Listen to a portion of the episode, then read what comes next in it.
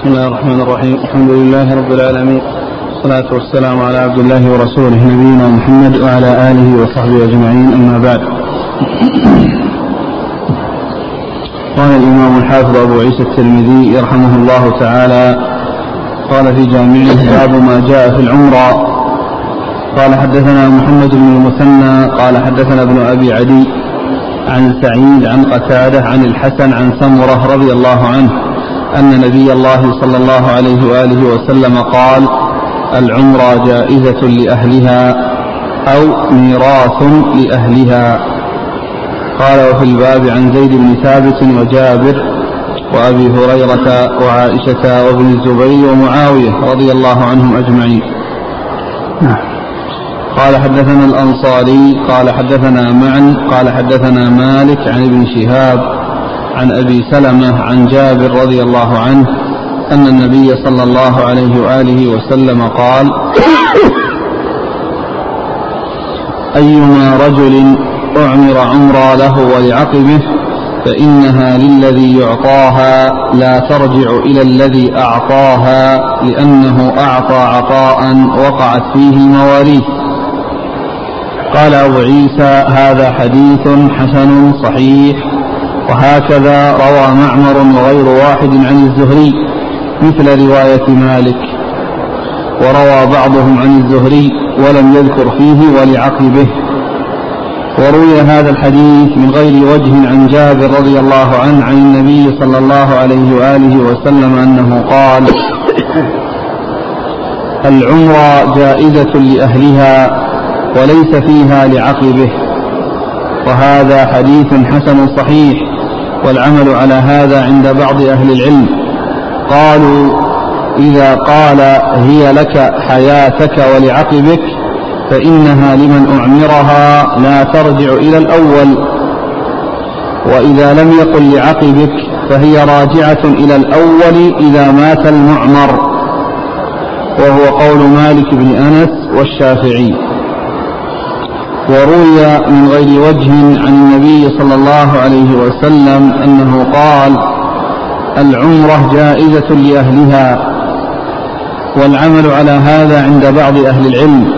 قالوا إذا مات المعمر فهو لورثته وإن لم تجعل لعقبه. وهو قول سفيان الثوري وأحمد وإسحاق. بسم الله الرحمن الرحيم. الحمد لله رب العالمين وصلى الله وسلم وبارك على عبده ورسوله نبينا محمد وعلى آله وأصحابه أجمعين. أما بعد فيقول الإمام أبو عيسى الترمذي رحمه الله باب في جامعه باب في العمرة.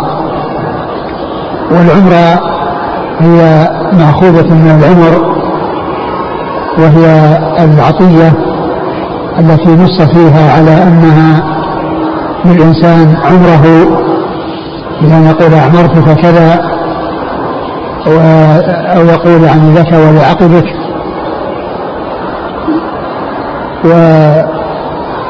وهذه تسمى العمرة. وقد كانت في الجاهلية وجاء الإسلام وأثبتها على هذا الوجه الذي تكون فيه من جملة المال الذي يجري فيه الميراث. إذا قال لك ولعقبك أو قال هي عمرة لك ولم ينص على أنها ترجع إليه بعد وفاته فإنها تكون مثل الأولى وأما إذا نص على أنها تكون ترجع إليه فهذه تكون مثل العارية وهي من هبة المنافع وإذا وفي الحالتين الأوليين وهي التنصيص على أنها له ولعقبه أو أنها له دون أن ينص على أنها ترجع إليه بعد موته. هي تملك للمنافع تملك للأعيان والرقاب ولهذا تجري يجري فيها الميراث. بمعنى أنه استحقها وأنه تكون له ولعقبه من بعده. يرثونها كما يرثون سائر ماله. وقد ذكر الحافظ بن حجر رحمه الله هذه الأقسام الثلاثة. القسم الأول أن يقول لك ولعقبك والثاني أن يقول أنها لك عمرك ولا ينص على أنها ترجع إليه والثالث أن ينص على أنها ترجع إليه.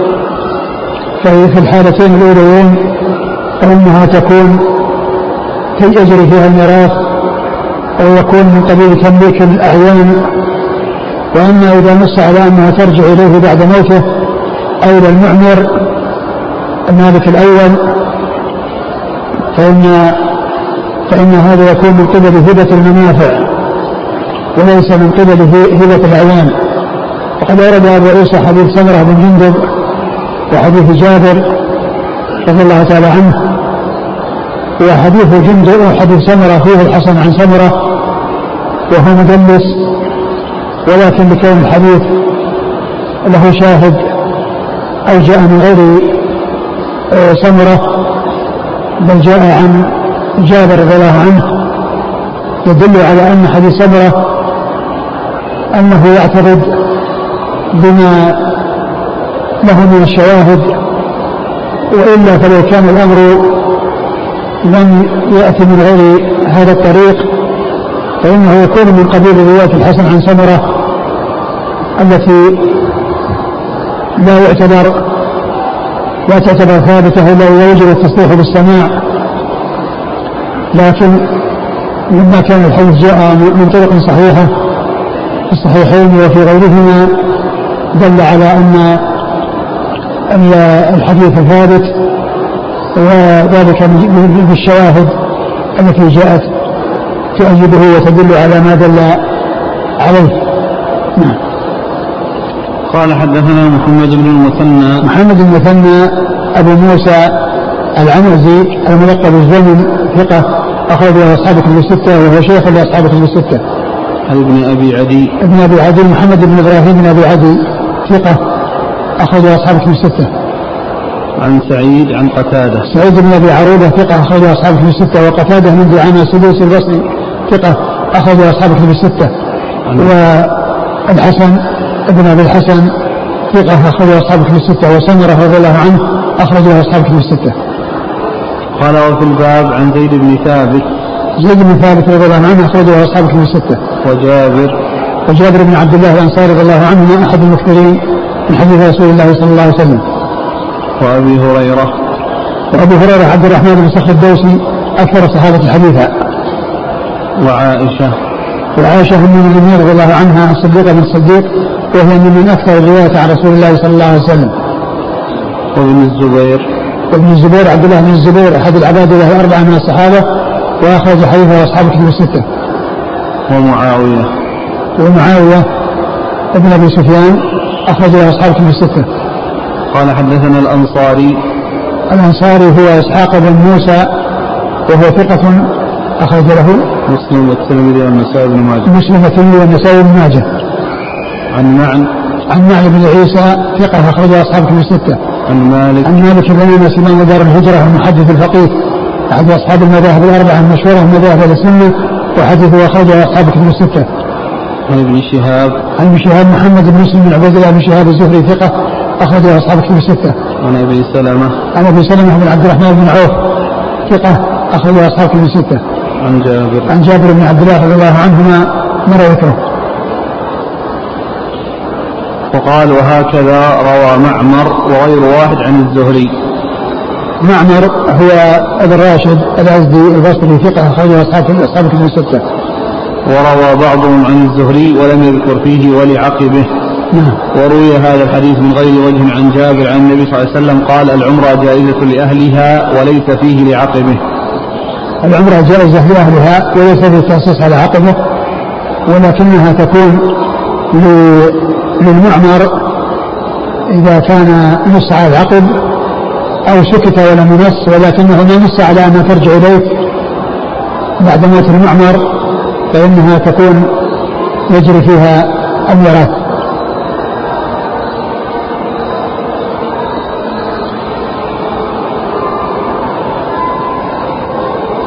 قال رحمه الله تعالى باب ما جاء في الرقبة. قال حدثنا أحمد بن منيع قال حدثنا هشيم عن داود بن أبي هند عن أبي الزبير عن جابر رضي الله عنه أنه قال قال رسول الله صلى الله عليه وآله وسلم العمرة جائزة لأهلها والرقبة جائزة لأهلها. قال أبو عيسى هذا حديث حسن وقد روى بعضهم عن أبي الزبير بهذا الإسناد عن جابر موقوفا ولم يرفعه. والعمل على هذا عند بعض أهل العلم من أصحاب النبي صلى الله عليه وآله وسلم وغيرهم أن الرقبة جائزة مثل العمرة وهو قول أحمد وإسحاق. وفرق بعض أهل العلم من أهل الكوفة وغيرهم بين العمرة والرقبة فأجازوا العمرة ولم يجيزوا الرقبة. قال أبو عيسى وتفسير الرقبة أن يقول هذا الشيء لك ما عشت فإن مت قبلي فهي راجعة إلي. وقال أحمد وإسحاق الرقبة مثل العمرة وهي لمن أعطيها ولا ترجع إلى الأول. ثم ذكر بعد ذلك الرقبة وهي قريبة من العمرة بل قيل إنها مثل العمرة. وذلك أن من أرقب ويعطي شيئا يعني حياته. ولم يسعى لأنها ترجع إليه بعد موت المرقب فإنها تكون مثل العمرة أنه يجري فيها الميراث يجري فيها الميراث وهي كما جاء في الحديث جائزة لأهلها يعني أنها حق ثابت لمن أرقب كما أن العمرة حق ثابت لمن أعمر وذلك أنه يجري فيها الميراث إلا إذا نص على أنها عند موت المرقب أو المعمر فإنها ترجع إلى المرقب والمعمر لأنها بذلك تكون من قبيل هبة المنافع وليست من قبيل هبة الأعوان نعم. قال حدثنا أحمد بن منيع. أحمد بن منيع ثقة أخرجه أصحاب الكتب الستة. عن هشيم هشيم بن بشير الواسطي ثقة أخرجه أصحاب الكتب الستة. داود بن أبي هند داود بن أبي هند هو ثقة أخرج البخاري تعليقا ومسلم وأصحاب السنن ثقة أخرجه البخاري تعليقا ومسلم وأصحاب السنن عن أبي الزبير عن أبي الزبير محمد بن تدرس المكي صدوق أخرج له أصحاب كتب الستة. عن جابر عن جابر رضي الله عنه مر ذكره. قال رحمه الله تعالى باب ما ذكر عن رسول الله صلى الله عليه وآله وسلم في الصلح بين الناس. قال حدثنا الحسن بن علي الخلال قال حدثنا أبو عامر العقدي قال حدثنا كثير بن عبد الله بن عمرو بن عوف المزني عن أبيه عن جده رضي الله عنه أن رسول الله صلى الله عليه وآله وسلم قال الصلح جائز بين المسلمين إلا صلحا حرم حلالا أو أحل حراما والمسلمون على شروطهم إلا شرطا حرم حلالا أو أحل حراما. قال أبو عيسى هذا حديث حسن صحيح. ثم أبو عيسى هذا ترجم باب ما جاء أن الصلح جائز بين المسلمين.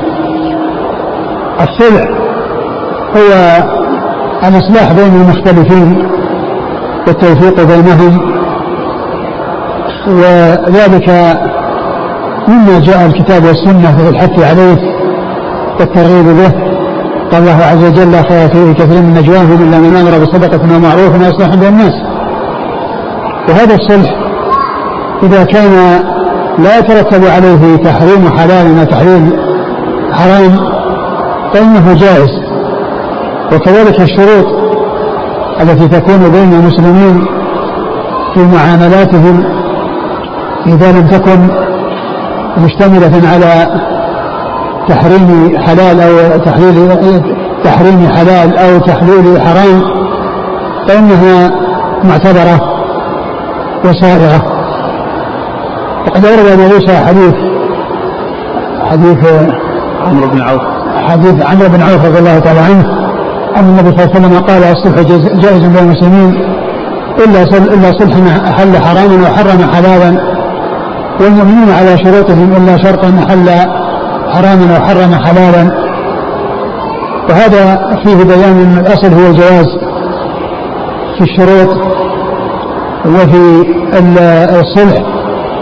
إلا إذا ترتب على ذلك تحريم ما أحل الله أو تحليل ما حرم الله فعند ذلك لا يصح مثل هذا الصلح ولا يصح مثل هذا الشرط الذي بني على أمر غير سائر والحديث في إسناده كثير بن عبد الله وهو ضعيف والترمذي صححه. وقد انتقد عليه تصحيحه مع أن فيه كثير بن عبد الله. واعتذر عنه الحافظ قال لعله اعتبره بكثرة طرقه. وهو لا شك معناه صحيح ومستقيم ولا إشكال فيه من حيث المعنى. وبعض أهل العلم قال إن طرقه المتعددة يرتقي بها إلى أن يكون من قبيل الثابت المعتبر الذي يعول عليه لا سيما ومعناه ثابت وواضح في من, يعني في ما جاء في كتاب الله عز وجل وسنة رسوله صلى الله عليه وسلم من الحث على الإصلاح بين الناس. وإذا كان ذلك الإصلاح مبنيا على مخالفة للشرع فإن مخالفة الشرع آه، إذا إذا وجدت فإن ذلك يكون آه، ممنوعا سواء كان ذلك الصلح في تحريم حلال أو أو تحليل حرام وكذلك الشروط هي أيضا من هذا القبيل. نعم. قال حدثنا الحسن بن علي الخلال. الحسن بن علي الخلال الحواني ثقة أخرجه أصحاب كتب الستة للنسائي عن أبي عامر العقدي. عن أبي عامر العقدي هو عبد الملك بن عمرو وهو ثقة أخرج أصحاب ثقة أخرج أصحاب كتب الستة عن كثير بن عبد الله. عن كثير بن عبد الله. وهو ضعيف أخرج له. أصحاب القراءة. البخاري في جزء القراءة؟ وأبو داود والترمذي وابن ماجه وأبو داود والترمذي وابن ماجه عن أبيه عن أبيه وهو مقبول أخرج له. خرج القراءة أبو داود والترمذي وابن ماجه البخاري في جزء القراءة والترمذي. وأبو داود. وأبو داود والترمذي وابن ماجه عن جده. عن جده آه، عمرو بن عوف وهو صحابي أخرج له. البخاري تعليقا وأبو داود والترمذي وابن ماجه البخاري تعليقا وأبو داود والترمذي وابن ماجه قال رحمه الله تعالى باب ما جاء في الرجل يضع على حائط جدا حائط جاره خشبا. قال حدثنا سعيد بن عبد الرحمن المخزومي. قال حدثنا سفيان بن عيينة عن الزهري عن الأعرج عن أبي هريرة رضي الله عنه أنه قال سمعته يقول قال رسول الله صلى الله عليه وآله وسلم إذا استأذن أحدكم جاره أن يغرز خشبة في جداره فلا يمنعه. فلما حدث أبو هريرة طأطأوا رؤوسهم فقال ما لي أراكم عنها معرضين والله لأرمين بها بين أكتافكم. قال وفي الباب عن ابن عباس ومجمع بن جارية رضي الله عنهم. قال أبو عيسى حديث أبي هريرة حديث حسن صحيح والعمل عليه والعمل على هذا عند بعض أهل العلم وبه يقول الشافعي. وروي عن بعض أهل العلم منهم مالك بن أنس قالوا له أن يمنع جاره أن يضع خشبه في جداره. والقول الأول أصح. ثم ورد أبو عيسى هذه الترجمة باب في الجار. الرجل يضع على حائط جاره خشبا. باب في الرجل يضع على حائط جاره خشبا. آه آه هذه الترجمة فيها المعاملة بين الجيران وأن يكون بعضهم يحسن إلى بعض وينفع بعضهم بعضا في وجوه مختلفة. وفي هذه الحالة التي جاءت في حديث أبي هريرة وهي أنه إذا احتاج إلى أن يضع خشبا له على جدار جاره الذي أقامه جاره بمفرده دون مشاركة الجار له في إقامة الجدار فإنه لا يمنعه إذا استأذنه وإنما يمكنه من ذلك يعني حيث لا ضرر. وأما إذا كان الجدار يعني ضعيفا ويعني يؤول أو يؤدي ذلك إلى السقوط فليس له أن يعمل ذلك. وأما إذا كان قويا ويمكن يضع عليه الخشب ولا يتأثر الجدار بحيث يكون عليه من الجانبين من جانب المالك ومن جانب الجار. إنه ليس له أن يمنعه إذا استأذنه. وهذه من الحقوق والمنافع التي تكون بين الجيران. وهذا كما قلت كان أحد الجارين هو الذي استقل ببناء الجدار وانفرد به. أما إذا حصلت المشاركة في بنائه أو كان الجار بنى جارا بجوار آه، بجوار جاره. فهذه ليست من المسألة التي جاءت في الحديث شيء لأن هذه مستقلة فيما مختصة فيما إذا كان آه، الجدار لأحدهما. فلا يمنع جاره إذا استأذنه لوضع خشبه عليه. وكما قلت هذا فيما إذا كان لا يترتب على ذلك مضرة بأن يكون الجدار ضعيفا وإذا حصل الحمل عليه من هنا ومن هنا يؤدي إلى الانهيار وإلى السقوط فإنه لا آه، يحصل أو يمكن من الانتفاع الذي يؤدي إلى الضرر بصاحب الحق وصاحب الملك. وأبو هريرة رضي الله عنه حدث بهذا الحديث فطاطا الناس رؤوسهم فقال ما لي أراكم عنها معرضين؟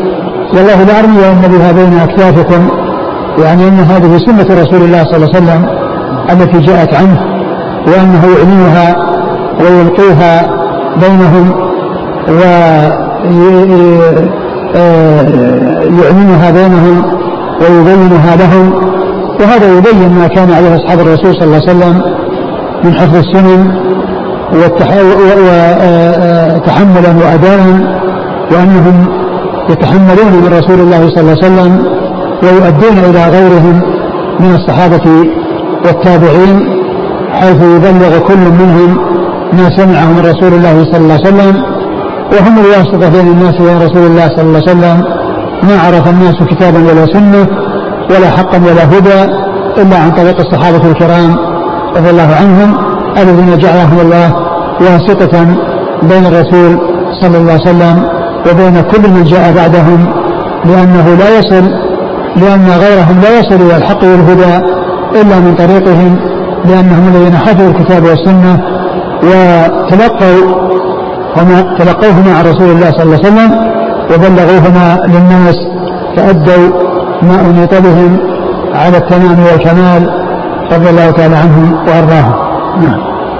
قال حدثنا سعيد بن عبد الرحمن المخزومي. سعيد بن عبد الرحمن المخزومي هو ثقة أخرج الترمذي والنسائي. ثقة أخرج الترمذي والنسائي. عن سفيان بن عيينة. سفيان بن عيينة ثقة أخرج أصحاب كتب الستة. عن الزهري عن الأعرج. عن الأعرج وعبد الرحمن بن هرمز. ثقة أخرج أصحاب كتب الستة. عن أبي هريرة. نعم.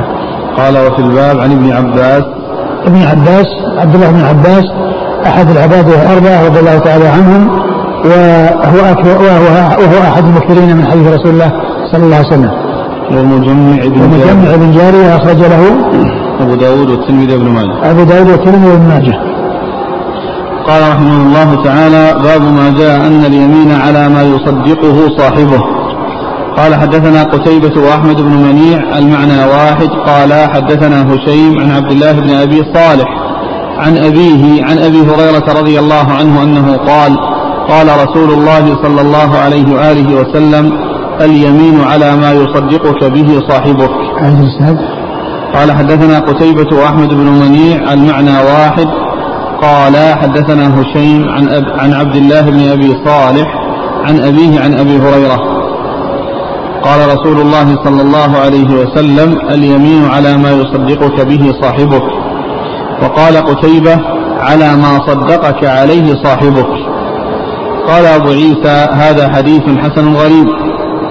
وعبد الله بن أبي صالح هو أخو سهيل بن أبي صالح. لا نعرفه إلا من حديث هشيم عن عبد الله بن أبي صالح. والعمل على هذا عند بعض أهل العلم وبه يقول أحمد وإسحاق. وروي عن إبراهيم النخعي أنه قال إذا كان المستحلف ظالما فالنية نية الحالف وإذا كان المستحلف مظلوما فالنية نية الذي استحلف. ثم رد أبو عيسى هذه الترجمة. باب باب يمينك. اليمين على ما يصدقه صاحبه. اليمين على ما يصدقه صاحبه. يعني أن من طلب اليمين من شخص فإنه يحلف على الشيء الذي يريده صاحبه والذي يصدقه على صاحبه وعليه صاحبه. يعني إنه لا يوري أو يأتي بشيء ينوي غير الذي يريد منه صاحبه أن يحلف عليه. وهذا مثل الحلف عند القاضي في الخصومات. فانه فإن الحلف يجب على الحالف أن يحلف على الشيء الذي استحلف عليه دون أن يتأول أو يوري. فإن فإنه لابد أن تكون في هذه الحال على ما يصدق به صاحبه وهو الذي حلف من أجله. أما إذا كان استحلفه ظالم على شيء ليس من حقه أن يستحلفه عليه وأراد أن يوري فإن له ذلك لأن لأن هذا الصاحب الذي استحلفه ليس محقا وإنما هو ظالم فإذا تخلص منه باليمين وورى بها بأن أراد شيئا غير الشيء الذي يريده المستحلف وهذا هو التورية. فإن ذلك جائز وسائغ لأن فيه حصول الحلف وحصول التورية التي بها يكون الإنسان آه، حلف على شيء يعنيه وإن كان صاحبه الظالم يعني شيئا خلاف ذلك. وقد أبو عيسى حديث أبي هريرة رضي الله عنه أن النبي صلى الله عليه وسلم قال يمينك على ما يصدقها عليه عليك عليه صاحب يصدق يصدقك عليه صاحبك أو على ما صدقه عليه صاحبه. والحديث يعني في إسناده آه، رجل نتكلم فيه ولكنه جاء في صحيح مسلم. فإذا حيث تكون اليمين متوجهة يعني آه، من غير أن يكون هناك ظلم فيها ويعني مثل ما يكون عند القاضي فإنها على ما يصدق عليه صاحبه والشيء الذي يريده المستحلف وأما إذا كان فيها ظلم والإنسان أراد يتخلص من الظلم بأن يوري فإن التورية آه، سائغة وجائزة ولا مانع منها. نعم. قال حدثنا قتيبة وأحمد بن منيع. قتيبة أحمد ثقة أخرج أصحاب في الستة وأحمد بن منيع مر ذكره. عن هشيم عن عبد الله بن أبي صالح. عبد الله بن أبي صالح هو لين الحديث. لين الحديث أخرج له مسلم وأبو داود والترمذي وابن ماجه. مسلم وأبو داود والترمذي وابن ماجه. عن أبيه. عن أبيه أبو صالح السمان ذكوان ثقة أخرج أصحاب في الستة. عن أبي هريره عن أبي هريرة. مر ذكره وروي عن إبراهيم النخعي أنه قال إذا كان المستحلف ظالما فالنية نية الحالف. وإذا كان المستحلف مظلوما فالنية نية الذي استحلف. نعم هذا هو التفسير الذي آه ذكر. قال رحمه الله تعالى باب ما جاء في الطريق إذا اختلف فيه كم يجعل؟ قال حدثنا أبو كريم قال حدثنا وكيع عن المثنى بن سعيد الضبعي عن قتادة عن بشير بن نهيك عن أبي هريرة رضي الله عنه أنه قال قال رسول الله صلى الله عليه وآله وسلم اجعلوا الطريق سبعة أذرع. قال حدثنا محمد بن بشار قال حدثنا يحيى بن سعيد قال حدثنا المثنى بن سعيد عن قتادة عن بشير بن كعب العدوي عن أبي هريرة رضي الله عنه أنه قال قال رسول الله صلى الله عليه وآله وسلم إذا تشاجرتم في الطريق فاجعلوه سبعة أذرع. قال أبو عيسى وهذا أصح من حديث وكيع. قال وفي الباب عن ابن عباس قال أبو عيسى حديث بشير بن كعب العدوي عن أبي هريرة حديث حسن صحيح. وروى بعضهم عن قتادة وروى بعضهم هذا عن قتادة عن بشير بن نهيك عن أبي هريرة وهو غير محفوظ. ثم أورد أبو عيسى باب في الطريق. إذا اختلف فيه كم يجعل؟ إذا اختلف فيه كم يجعل؟ يعني كم ذراع؟ يجعل عليه الطريق. وهذا فيما إذا كان آه، آه، آه، اختلف في مقدارها بين بين أصحاب الأملاك المتقابلين. يعني بحيث يكون ملك هذا مقابل لهذا وأراد كل واحد منهم أن يتوسع بأن يضيق الطريق وأن يكون الطريق ضيقا فإنه يجعل سبعة سبعة أذرع. وهو الذي كان في ذلك الوقت يمكن معه دخول الأحمال يعني على الإبل وبحيث تدخل وتبرك وينزل ما على ظهرها من الأحمال. فيكون يعني على هذا النحو وهذا يختلف في كل زمان بحال الناس. مثل مثل الآن يعني لما كثرت السيارات تحتاج إلى أن السيارات تقف ويكون لها مواقف في الجوانب. وأن يكون آه، السيارات يعني آه، آه، تأتي ويكون لها مسارات للذاهب والآيب ف فتجعل الطرق على حسب حاجة الناس على حاجة على حسب حاجة الناس وحاجة الأسواق والمرور بها ووقوف السيارات بجانبها ومع وجود أرصفة يمشي عليها المارة فيختلف باختلاف الناس ولكنه كان فيما مضى يعني يجعلون جاء في الحديث أنها سبعة على اعتبار أن هذه أن السبعة يكون فيها مجال لدخول الأحمال على الإبل ونزولها وبروكها من أجل أن ينزل ما على ظهرها. فبين عليه الصلاة والسلام أنه عند الاختلاف يكون تكون سبعة اذرع وانه ليس لأحد أن يعتدي على هذه على هذه المسافة. أو هذا المقدار بأن يضيقه وأن يسيء إلى الناس فيه بل يترك للمارة ولا يمكن أحد من السيطرة عليه والاختصاص به وإلحاق الضرر بالناس. نعم. قال حدثنا أبو كريب. أبو كريب محمد بن العلاء بن كريب أبو كريب ثقة أخرجه أصحاب كتب الستة. عن وكيع. وكيع بن الجراح الرؤاسي الكوفي ثقة أخرجه أصحاب كتب الستة. عن المثنى بن سعيد الضبعي. المثنى بن سعيد الضبعي هو ثقة أخرج أصحاب الكتب. ثقة أخرج أصحاب الكتب الستة. عن قتادة عن بشير بن نهيك قتادة مرة ذكره بشير بن نهيك ثقة أخرج أصحاب الكتب الستة. عن أبي هريرة. نعم. قال حدثنا محمد بن بشار. محمد بن بشار من لقب من دار ثقة أخرج أصحاب الكتب الستة وهو شيخ لأصحاب الكتب الستة. عن يحيى بن سعيد. يحيى بن سعيد القطان ثقة أخرج أصحاب الكتب الستة. عن المثنى بن سعيد عن قتادة عن بشير بن كعب العدوي. وبشير بن كعب العدوي هو ثقة أخرجه البخاري وأصحاب السنن. ثقة أخرجه البخاري وأصحاب السنن.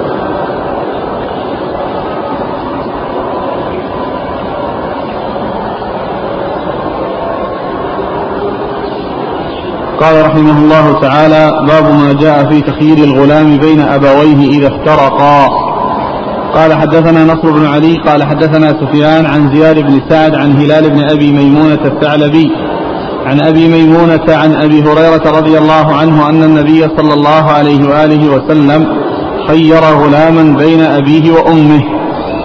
قال وفي الباب عن عبد الله بن عمرو وجد عبد الحميد بن جعفر قال أبو عيسى حديث أبي هريرة حديث حسن صحيح وأبو ميمونة اسمه سليم. والعمل على هذا عند بعض أهل العلم من أصحاب النبي صلى الله عليه وآله وسلم وغيرهم.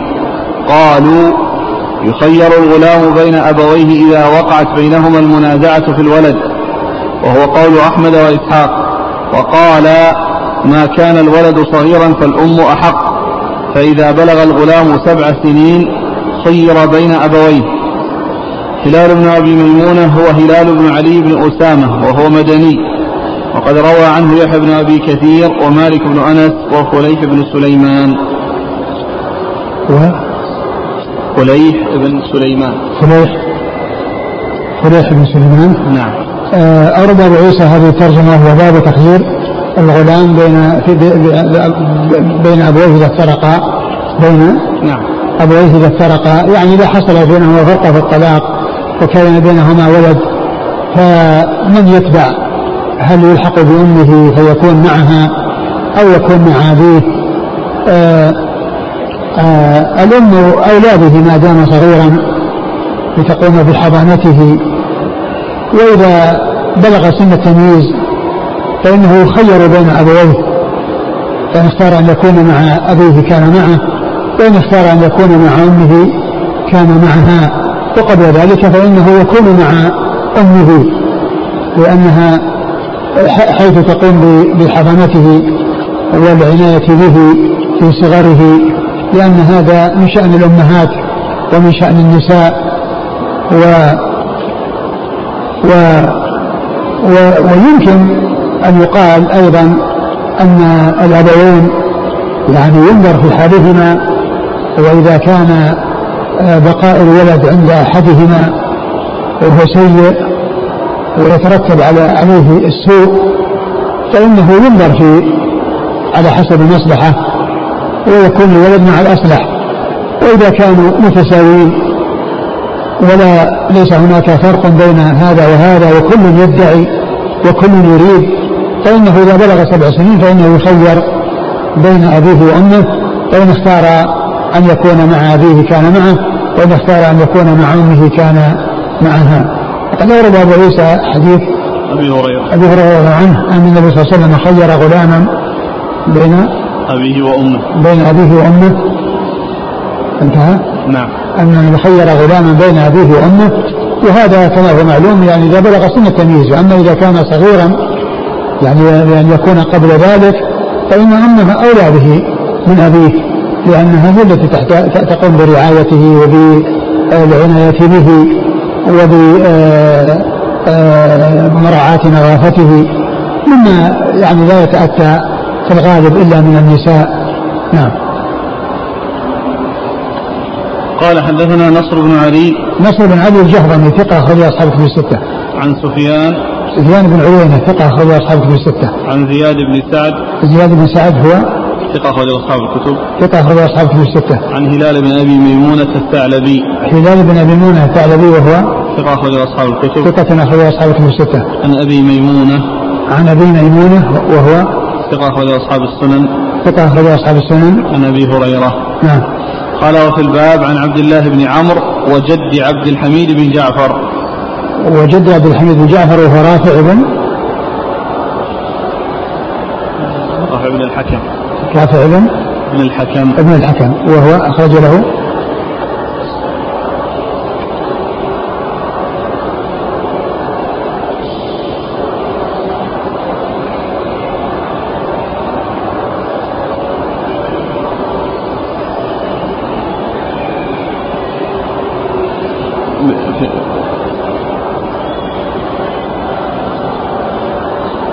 ما وجد؟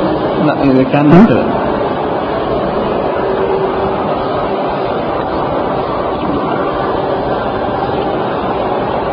اللي موجود في الإسناد ها؟ عبد الحميد بن جعفر اللي في التهذيب. إيه. عبد الحميد بن جعفر ابن عبد الله ابن الحكم ابن رافع. ابن عبد الله بن الحكم؟ ابن رافع. ابن رافع؟ إيه. آه، أما الذي ذكره المبارك فوري في التحفة ها؟ فإنه نص على أنه الحكم بن سنان. بن سنان.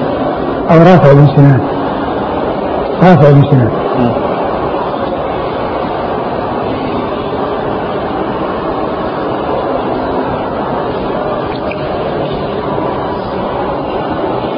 إذا لا يكون للحفيد رواية لأنها عبد الحفيد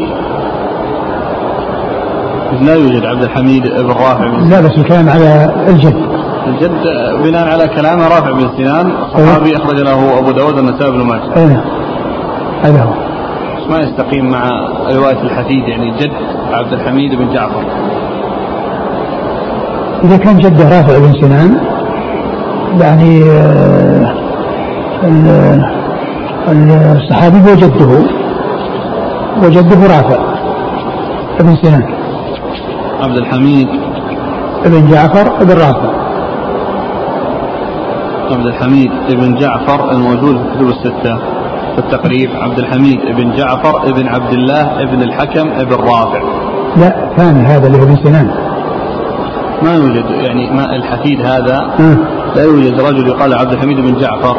وش قال صاحب التحفة؟ قال روى من؟ ما قال يعني عبد الحميد بن بن جعفر بن رافع؟ عن عن أبيه عن جده. عبد الحميد بن جعفر عن أبيه عن جده. نعم. وصرح باسم جده قال رافع بن سنان وهو بالإسناد قال عن أبيه عن جده؟ إيه؟ عندنا؟ لا هو عندنا عندنا وجد اي جد عبد الحميد جعفر. أيوه.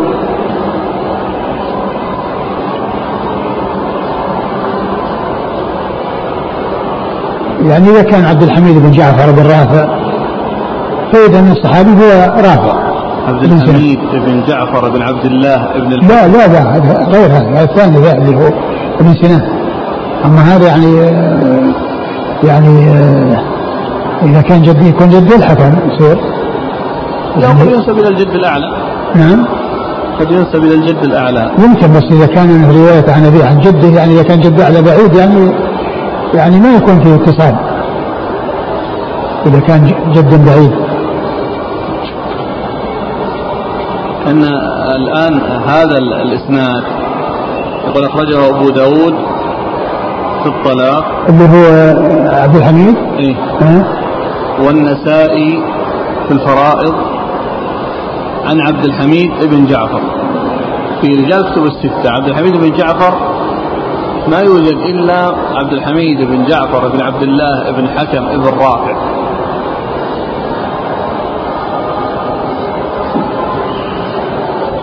لكن في ابي داود يعني نص على الجد في الإسناد. هو نقله. ما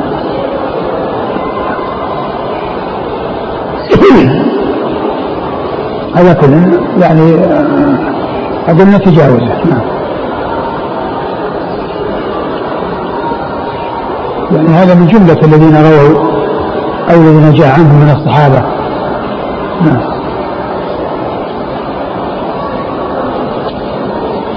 قال هلال بن أبي ميمونة هو هلال بن علي بن أسامة هو مدني وقد روى عنه يحيى بن أبي كثير ومالك بن أنس وفليح بن سليمان. قال رحمه الله تعالى باب ما جاء أن الوالد يأخذ من مال ولده. قال حدثنا أحمد بن منيع قال حدثنا يحيى بن زكريا بن أبي زائدة قال حدثنا الأعمش عن عمارة بن عمير عن عمته عن عائشة رضي الله عنها أنها قالت قال رسول الله صلى الله عليه وآله وسلم إن أطيب ما أكلتم من كسبكم وإن أولادكم من كسبكم. قال وفي الباب عن جابر وعبد الله بن عمرو رضي الله عنهم قال أبو عيسى هذا حديث حسن صحيح. وقد روى بعضهم هذا عن عمارة بن عمير عن أمه عن عائشة وأكثرهم قالوا عن عمته عن عائشة. والعمل على هذا عند بعض أهل العلم من أصحاب النبي صلى الله عليه وآله وسلم وغيرهم. قالوا إن يد الوالد مبسوطة في مال ولده يأخذ ما شاء. وقال بعضهم لا يأخذ من ماله إلا عند الحاجة إليه. ثم أورد أبو عيسى هذه ترجمة باب في الوالد يأخذ من مال ولده. باب في الوالد يأخذ من مال ولده. يعني أنه لما كان الوالد يعني هو أصله وهو سبب وجوده فيكون له حقا في مال ابنه. ولكن هذا لا يكون آه، على وجه يلحق الضرر بابنه لأن الأب مالك والابن مالك. فلو مكن الأب مطلقا لكان الولد يخرج من ماله بتسلط أبيه على ماله ثم يبقى مفلسا ليس معه شيء. قالوا وقد جاء أن المال عندما يموت الولد وله أولاد فإن الأب لا يأخذ أكثر من السدس. لا يأخذ أكثر من السدس. والأولاد يأخذون يأخذون ما بقي بعد أن يكون هناك أصحاب فروض آخرين. فهو يدل على أن على أن أن له أن يأخذ وله أن يستفيد منه.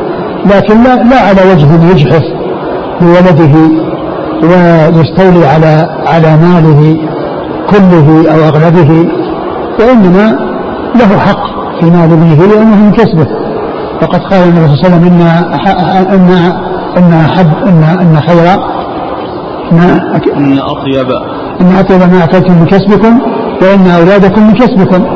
ومعنى ذلك أن الإنسان كما يستفيد من ماله يستفيد من مال غيره من مال ولده لأن آه، آه، لأنه من كسبه ولأنه سبب وجوده ولأنه أصله ولكن هذا على وجه كما عرفنا لا يضر بالأب وبأولاده الابن وبأولاده وبمن آه، تلزمه مؤونته ولكن أباه له حق وكذلك أمه أيضا مثل أبيه في هذا الحكم. نعم.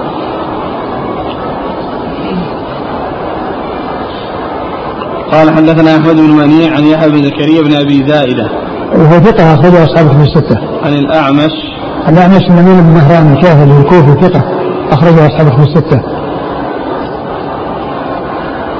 عن عمارة بن عمير عمارة بن عمير ثقة أخرجه أصحابه في الستة. عن عمته عن عمته أو أمه وهما لا تعرفان. عن عائشة عن عائشة رضي الله عنها أم المؤمنين مر ذكرها.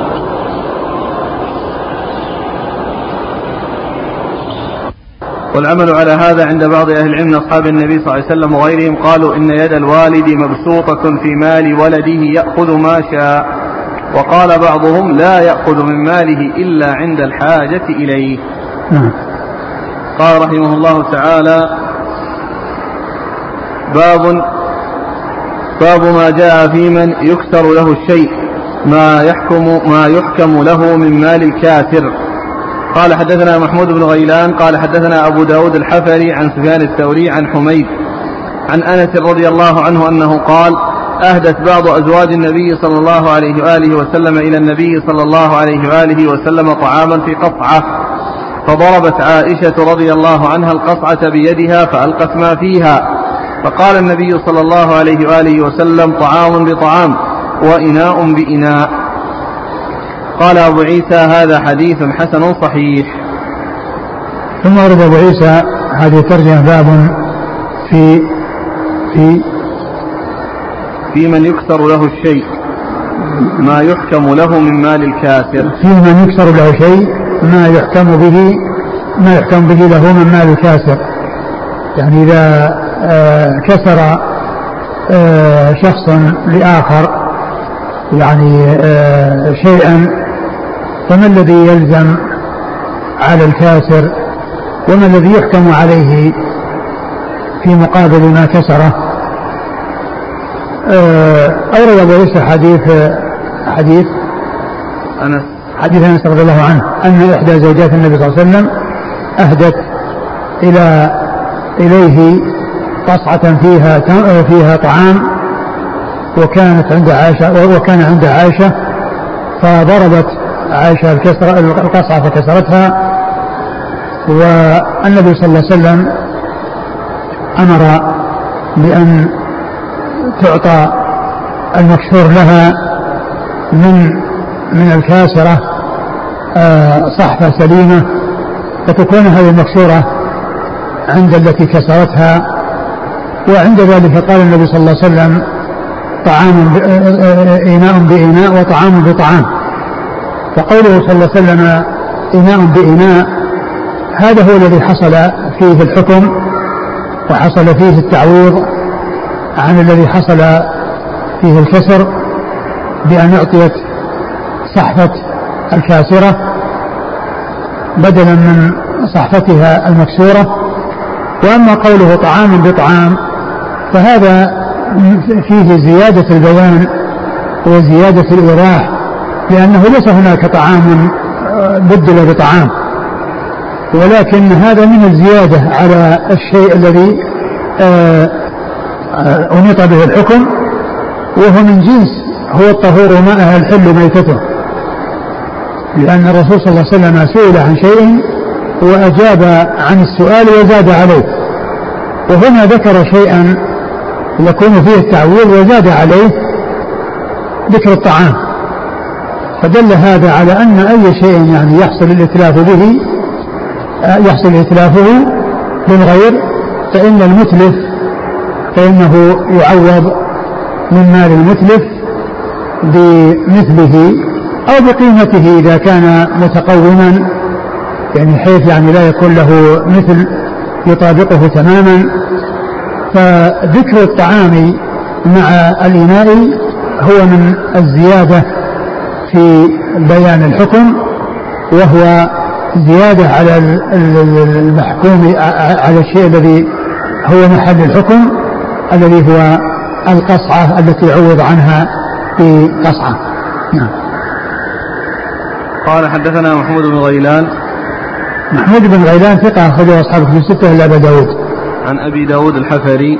أبو داود الحفري وهو عمر بن سعد وهو ثقة أخرج له. مسلم وأصحاب السنن مسلم وأصحاب السنن والحفري نسبة إلى محلة بكوفة نسبة إلى محلة في الكوفة. نعم. عن سفيان الثوري. عن سفيان الثوري هو سفيان بن سعيد بن مسروق الثوري ثقة فقيه أخرج له أصحاب كتب الستة. عن حميد.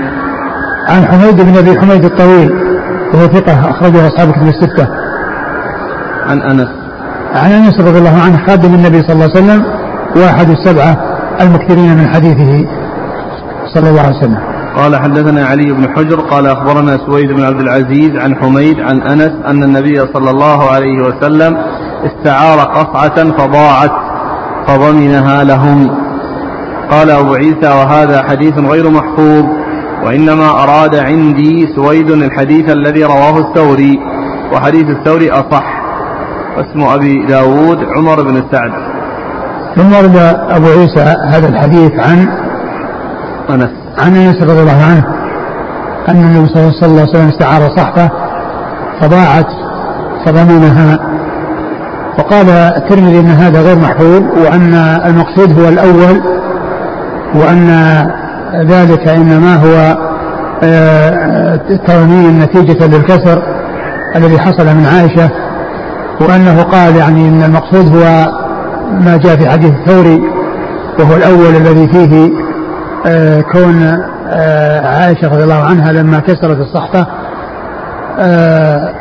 أخذت صفحتها السليمة وأعطيت للمكسور صحفتها. ف آه، يكون آه، الحديث في كون الرسول صلى الله عليه وسلم استعار صحبه وأنها آه، يعني فقدت أو ضاعت وأنه صلى الله عليه وسلم ضمنها يعني يكون غير صحيح. وفي إسناد الحديث رجل ضعيف. نعم.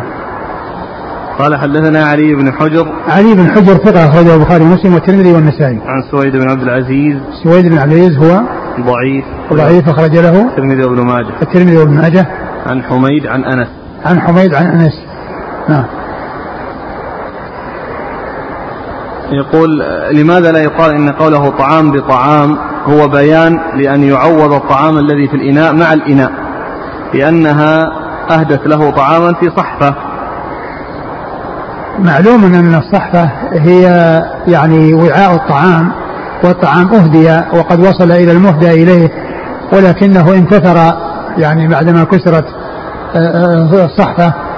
فلا يعني يكون مضمونا لأنه هدية. وإنما الصحفة هي التي آه، ملك المهدي ويعني سيرجع إليه.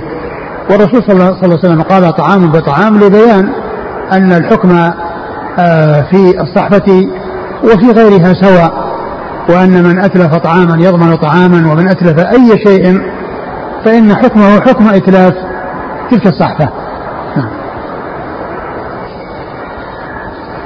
قال رحمه الله تعالى باب ما جاء في حد بلوغ الرجل والمرأة. قال حدثنا محمد بن وزير الواسطي. قال حدثنا إسحاق بن يوسف الأزرق عن سفيان عن عبيد الله بن عمر عن نافع عن ابن عمر رضي الله عنهما أنه قال عرضت على رسول الله صلى الله عليه وآله وسلم في جيش وأنا ابن أربع عشرة فلم يقبلني. فعرضت عليه من قابل في جيش وأنا ابن خمس عشرة فقبلني. قال نافع وحدثت بهذا الحديث عمر بن عبد العزيز, بن عبد العزيز فقال هذا حد ما بين الصغير والكبير ثم كتب أن يفرض لمن يبلغ الخمس عشرة. قال حدثنا ابن أبي عمر قال حدثنا سفيان بن عيينة عن عبيد الله بن عمر عن نافع عن ابن عمر عن النبي صلى الله عليه وآله وسلم نحو هذا ولم يذكر فيه أن عمر بن عبد العزيز كتب أن هذا حد ما بين الصغير والكبير. وذكر ابن عيينة في حديثه قال نافع فحدثنا به عمر بن عبد العزيز فقال هذا حد ما بين الذرية والمقاتلة. قال أبو عيسى هذا حديث حسن صحيح والعمل على هذا عند أهل العلم. وبه يقول سفيان الثوري وابن المبارك والشافعي وأحمد وإسحاق يرون أن الغلام إذا استكمل خمس عشرة سنة فحكمه حكم الرجال. وإن احتلم قبل خمس عشرة فحكمه حكم الرجال. وقال أحمد وإسحاق البلوغ ثلاثة منازل بلوغ خمس عشرة أو الاحتلام فإن لم يعرف سنه ولا احتلامه فالإنبات يعني العانة. ثم أرد أبو عيسى هذه الترجمة باب حد بلوغ الرجل والمرأة. باب حد بلوغ الرجل والمرأة. يعني أن من كان صغيرا غير مكلف متى يكون كبيرا مكلفا؟ متى يبلغ سن التكليف؟ وما هو الحد الفاصل بين الصغر الذي لا تكليف معه والذي رفع القلم فيه عن الصغير حتى يبلغ؟ ما هو حد البلوغ الذي يرتفع فيه الصغير إلى أن يكون الصغير غير المكلف إلى أن يكون كبيرا مكلفا؟ آه جاء في حديث ابن عمر رضي الله عنه الذي أورده المصنف أن ابن عمر رضي الله عنه عرض وهو ابن أربع عشرة سنة ليكون في الجهاد مع المجاهدين فلم يجزه الرسول صلى الله عليه وسلم وأنه عرض وهو ابن خمس عشرة سنة فأجازه. وفهم من هذا أن الحد الفاصل بين الصغر والكبر وبين الذرية والمقاتلة البلوغ خمس عشرة سنة. وهناك شيء قبل ذلك إذا وجد فإنه يحصل به البلوغ وانتهاء الصغر وذلك بالاحتلام بأن يحتلم الغلام أو الجارية وهو قبل وهم دون دون خمس عشرة خمس عشرة سنة فإنه يحصل بلوغهم بذلك وكذلك أيضا إذا حصل إنبات الشعر الخشن حول القبل فإنه يميز بذلك بين الصغير والكبير وبين الذرية والمقاتلة. وقد جاء ذلك في قصة بني قريظة وأنهم كانوا يكشفون يعني عن يعني عوراتهم فمن رأوه أنبت فإنهم يعاملونه معاملة المقاتلة. ومن كان دون ذلك يعامله يعاملونه معاملة الذرية الذين هم الصغار. وتزيد المرأة الحيض فإنها إذا حاضت فإنها تكون بلغت في حيضها وببلوغها سن المحيض تكون قد بلغت. فيكون هناك أمور ثلاثة مشتركة بين الرجال والنساء وهي الاحتلام والإنبات. وبلوغ خمسة عشر سنة. هناك أمور ثلاثة مشتركة بين الذكور والإناث. فإذا حصل الإنزال والاحتلام أو حصل الإنبات الشعر الخشن حول القبل قبل سن الخامسة عشرة فإنه يحصل البلوغ بذلك من كل من الذكر والأنثى. وإذا لم يحصل لا هذا ولا هذا وبلغ كل من الذكر والأنثى خمس عشر سنة فإنه يكون البلوغ حصل بذلك وتزيد المرأة أمرا رابعا يحصل به بلوغها إذا حصل ذلك قبل الخامسة عشرة وهو أن تحيض نعم. قال حدثنا محمد بن وزير الواسطي. محمد بن وزير الواسطي هو؟ ثقة أخرجه الترمذي. ثقة أخرجه الترمذي. عن إسحاق بن يوسف الأزرق إسحاق بن يوسف الأزرق ثقة أخرجه أصحاب كتب الستة. عن سفيان عن سفيان هو الثوري مر ذكره. عن عبيد الله بن عمر. عن عبيد الله. بن عمر. عبيد الله بن عمر وهو العمري المصغر ثقة أخرجه أصحاب كتب الستة. عن نافع عن ابن عمر. عن نافع مولى بن عمر ثقة أخرجه أصحاب كتب الستة. عن ابن عمر رضي الله تعالى عنهما أحد العبادلة الأربعة واحد السبعة المكثرين من حديث رسول الله صلى الله عليه وسلم. قال حدثنا ابن أبي عمر عن سفيان بن عيينة. ابن أبي عمر هو محمد بن يحيى بن أبي عمر وهو صدوق أخرج له مسلم. الترمذي والنسائي بن ماجه. الترمذي والنسائي بن ماجه. عن سفيان بن عيينة. نعم عن سفيان بن عيينة هو ثقة أخرج أصحاب أصحاب الكتب الستة. عن عبيد الله بن عمر عن نافع عن ابن عمر. نعم.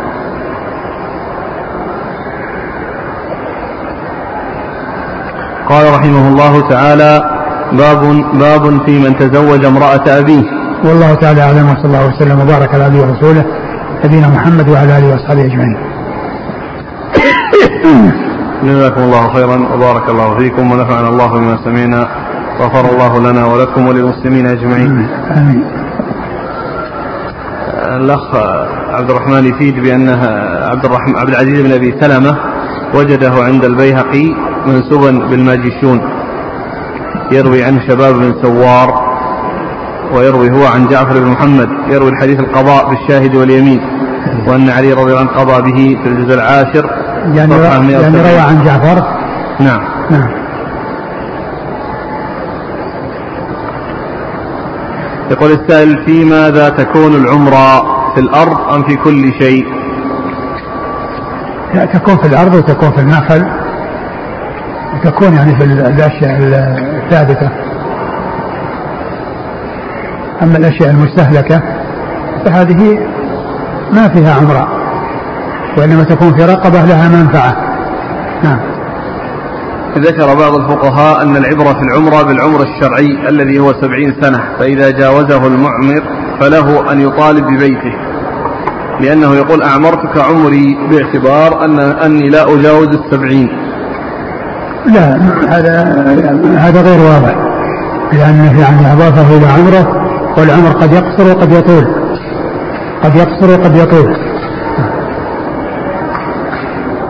هل إذا حلف بالطلاق يجوز له التورية؟ أصلا لا يجوز أن يحلف بالطلاق يحلف بالله عز وجل. يحلف بالله عز وجل ولا يجوز أن يحلف بالطلاق. إذا ور المستحلف هل عليه كفارة يمين؟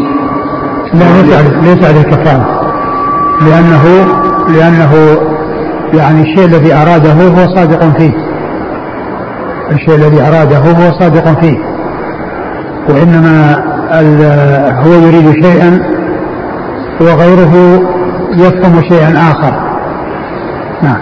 امرأة طلبت من زوجها الطلاق والرجل اشترط عليها أن ترجع ابنه بعد سنتين. وافقت المرأة على هذا الشرط.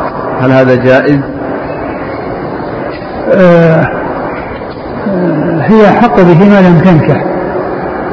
وإذا كان آه إذا كان في أحد يعني يقوم به مثل أمه يعني أم التي هي جدة الإبن يصح الحديث الذي ذكرتموه أنت أحق به ما لم تنكحي. نعم. آه هل هذا يشمل من جاوز سن التمييز؟ فخير ثم اختار أمه فنكح نعم نعم يرجع إلى أبيه يرجع يرجع إلى أبيه نعم هل الغلام والجارية في التخيير سواء بعد نعم. سبع سنين؟ سواء الذين يشاركون في الانتخابات يطلب منهم الحلف على الدستور والعمل به فبعضهم يحلف ويوري هل له ذلك؟ آه، إذا كان طبعا الانتخابات يعني هذه آه، يعني لا نعلم لها أساسا في الدين لأنها مبنية على أن الأغلبية يعني ينفذ يعني ما يختارونه وإذا كانت الأغلبية سيئة فإن الذي سيختارونه يكون سيئا فهذه ليست ليست يعني مما جاء في الإسلام وإنما جاءت من الغرب. والإنسان لا يدخل إلا إذا كان الدخول إذا وقعت الانتخابات وصار هذا أمرا لازما وأمرا لا بد منه ويترتب على ذلك آه، أن يتقدم من لا خير فيهم فإذا ابتعد من فيهم الخير معناه الأمر يصير بيد الآخرين ويكون في ذلك مضرة. والإنسان لا يحلف إلا على ما هو حق وعلى يعني شيء يوافق الكتاب والسنة. وأما إذا وجد دساتير تخالف الكتاب والسنة فلا يجوز له أن يحلف عليها وأن يلتزم بها لأن هذا إقدام على أمر محرم. ولكن إذا كان سيقيد ذلك بأن يكون وفقا للشريعة بأن يقول آه، إذا كان لا بد من الدخول والأمر يتطلب دخوله لحصول المصلحة فإنه إذا حلف على الالتزام بالدستور يقول وفقا للشريعة الإسلامية وبذلك يكون كلامه صحيحا. إذا كان الأب يعلم أن كسب ابنه من مال حرام فهل يكون طيبا للأب ولا يتحمل اسم الابن. لا ليس بطيب. وعليه أن يسعى إلى سلامة ابنه من المال الحرام وأن يهتم بذلك فالابن الوالد يهتم بابنه بحيث لا يدخل عليه إلا حلال والابن كذلك من جانبه يحرص على أن يكون والده لا يدخل عليه إلا حلال. ولا يقال أنه طيب آه، ما دام أن الولد اكتسبه. فإن هذا مال محرم إذا كان اكتسبه من طريق حرام. والتنزه عنه مطلوب. ولكن المهم في الأمر ليس كونه يأكل أو لا يأكل وإنما المهم في الأمر أن أن يسعى إلى سلامة ابنه من ذلك الشر الذي وقع فيه. هل يجوز شراء قطعة من الأرض بجوار المسجد الذي لا زال تحت البناء؟ تشترى هذه الأرض لتجعل موقفا لسيارات المصلين بالمبلغ الذي جمع من أجل المسجد. لا بأس لأن لأن المرافق المسجد هي من جملة المسجد والناس بحاجة إلى أن آه، آه، يوقفوا سياراتهم يعني في أماكن حول المسجد وإلا فإنهم لا يصلون فيه يذهبون إلى أماكن يستطيعون أن يوقفوا سياراتهم عندها. ف يعني المصالح المسجد الذي أخذ المسجد مثل بيوت المسجد ومثل دورات المياه الخاصة بالمسجد ومثل المواقف يمكن أن, أن تشترى. إلا إذا كان آه، أحد اشترط على أن يكون آه، هذا الذي آه، فعله أو هذا الذي أداه أن يكون في المسجد يكون في أرضه أو في بنيانه فإنه يوفى بالشرط. جزاكم الله خيرا. سبحانك اللهم وبحمدك. أشهد أن لا إله إلا أنت.